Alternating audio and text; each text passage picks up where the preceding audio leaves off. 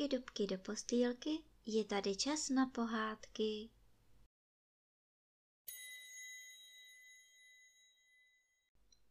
Tentokrát vám budu vyprávět pohádku Důdky z pytle ven z knížky Pohádky naší babičky.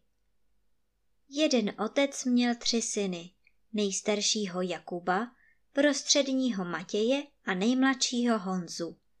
Jakub se vyučil truhlářem a vyrazil do světa na zkušenou. Ale nikde nemohl sehnat práci a tak byl smutný a v břiše mu hlady kručelo. Šel, kam ho nohy vedly, až v jednom lese potkal skřítka, který se ho zeptal. Kam pak jdeš, mládenče? A proč jsi tak smutný? Jsem truhlář a jdu světem hledat práci, odpověděl Jakub.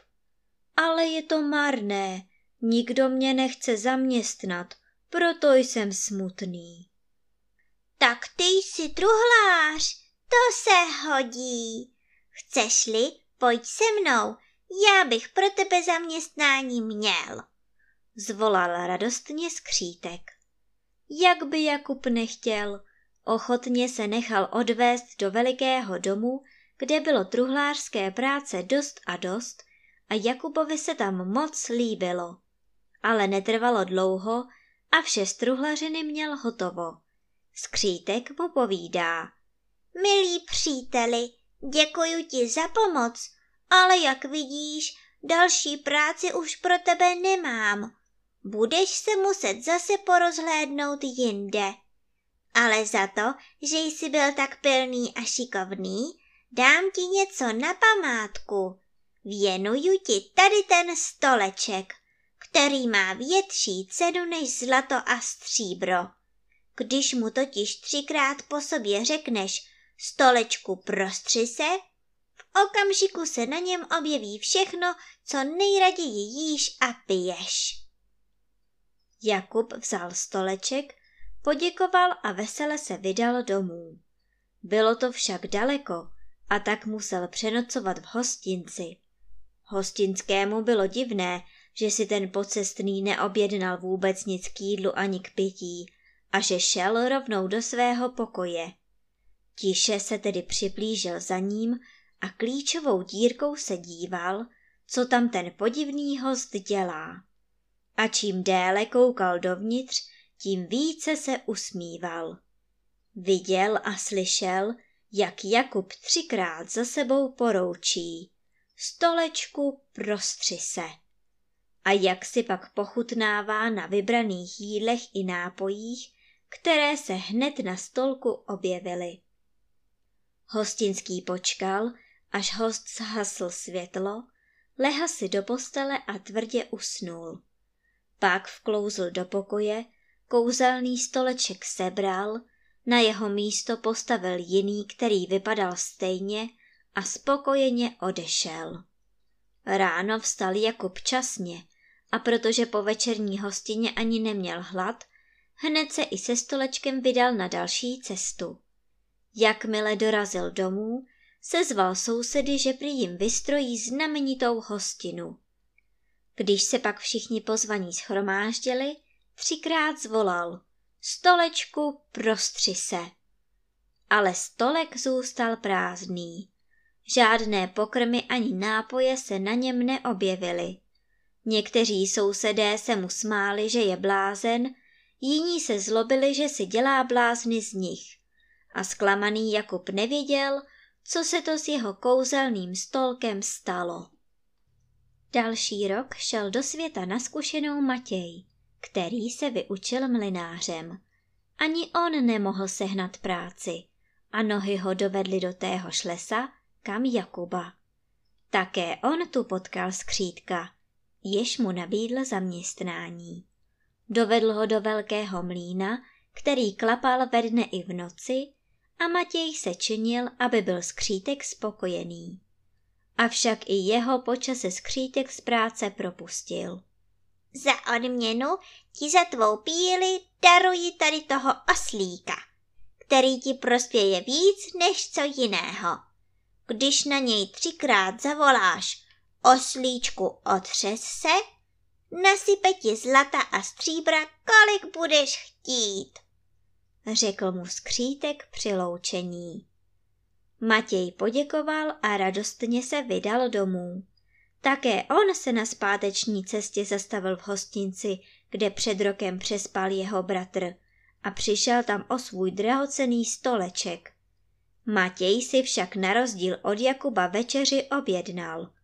Poručil si nejlepší jídla a nápoje, které tam měli. Když se najedl a měl zaplatit, vyšel ven, zamířil do stáje, kde byl uvázán jeho oslík a třikrát zvolal. Oslíčku, otřes se. A hned mu oslík nasypal do klobouku hromadu peněz, jimiž zaplatil útratu a šel si klidně lehnout. Netušil však, že hostinský vše sledoval škvírou ve dveřích a že v noci zlatonosného oslíka vyměnil za jiného, docela obyčejného, který se prvnímu na vlas podobal. Když druhý den dorazil Matěj domů, také se zval všechny sousedy, aby se jim se svým oslíkem pochlubil. Když ovšem třikrát zvolal oslíčku otřes se, nestalo se vůbec nic. Osel tomu ani trochu nerozuměl, jen pohodil hlavou a dál žvíkal jetel. Matěj ani nevěděl, jestli ho víc mrzí jízlivý posměch sousedů, nebo to, že jeho oslík přestal sypat peníze a on si tak zase musí vydělávat těžkou prací. Třetí rok vyšel do světa Honza, nejmladší ze tří bratrů. Také on marně hledal práci a také on potkal skřítka, který ho zaměstnal. Když ho počase propouštěl, dal mu za odměnu pytel a povídá. Tenhle pytel ti poslouží lépe než peníze. Budeš-li to potřebovat, zavolej. Důdky z pytle ven. A sám se přesvědčíš, jak dobře jsem to s tebou myslel, když jsem ti ho věnoval. Z takové podivné odměny Honza moc radosti neměl, ale přece skřítkovi poděkoval, rozloučil se a zamířil domů. I on k večeru dorazil do míst, kde oba jeho bratři v hostinci přenocovali. Hostinec tu stál pořád, ale vypadal docela jinak než dřív. Byl mnohem větší a honosnější. Při večeři naslouchal Honza hovoru dvou hostů, sedících u vedlejšího stolu. Šeptali si, že hostinský za poslední dva roky tolik zbohatl, protože má kouzelného oslíka, který mu sype peníze a kouzelný stoleček, na němž se sami od sebe objevují všechny možné pokrmy a nápoje. Honza okamžitě uhodl, odkud hostinský tu vzácnou věc a podivuhodné zvíře má, ale nic neřekl. Šel si lehnout a přemýšlel, jak by ukradený majetek svých bratrů získal zpátky. V noci, když už všichni spali, připlížil se hostinský tiše k posteli svého hosta. Podle podoby usoudil, že to bude jistě bratr těch dvou pocestných, jejichž majetkem se tak obohatil. Napadlo ho, že i tenhle bude v tom pytli mít něco zajímavého, co by mu mohlo prospět. Ale právě ve chvíli, kdy už po pytli sahal, vyskočil náhle Honza z postele a vykřikl. A teď tě mám!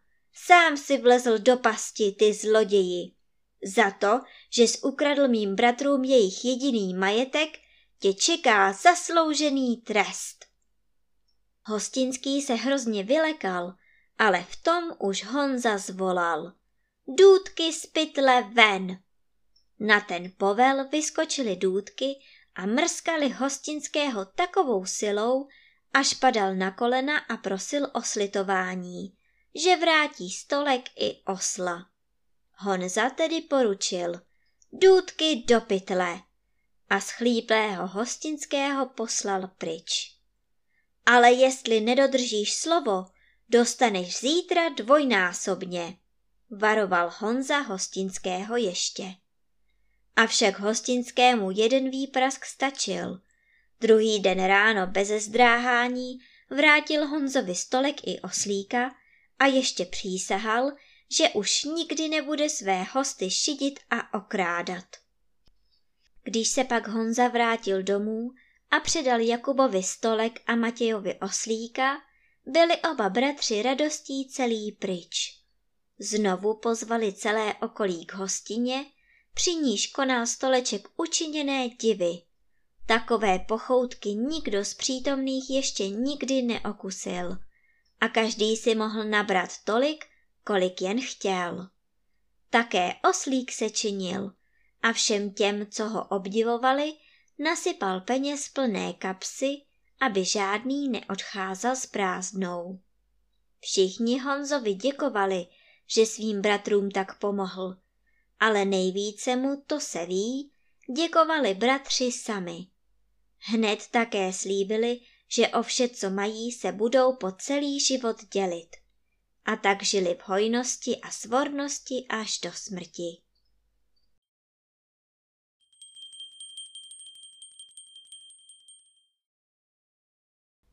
A teď už zavřete očička a krásně se vyspinkejte.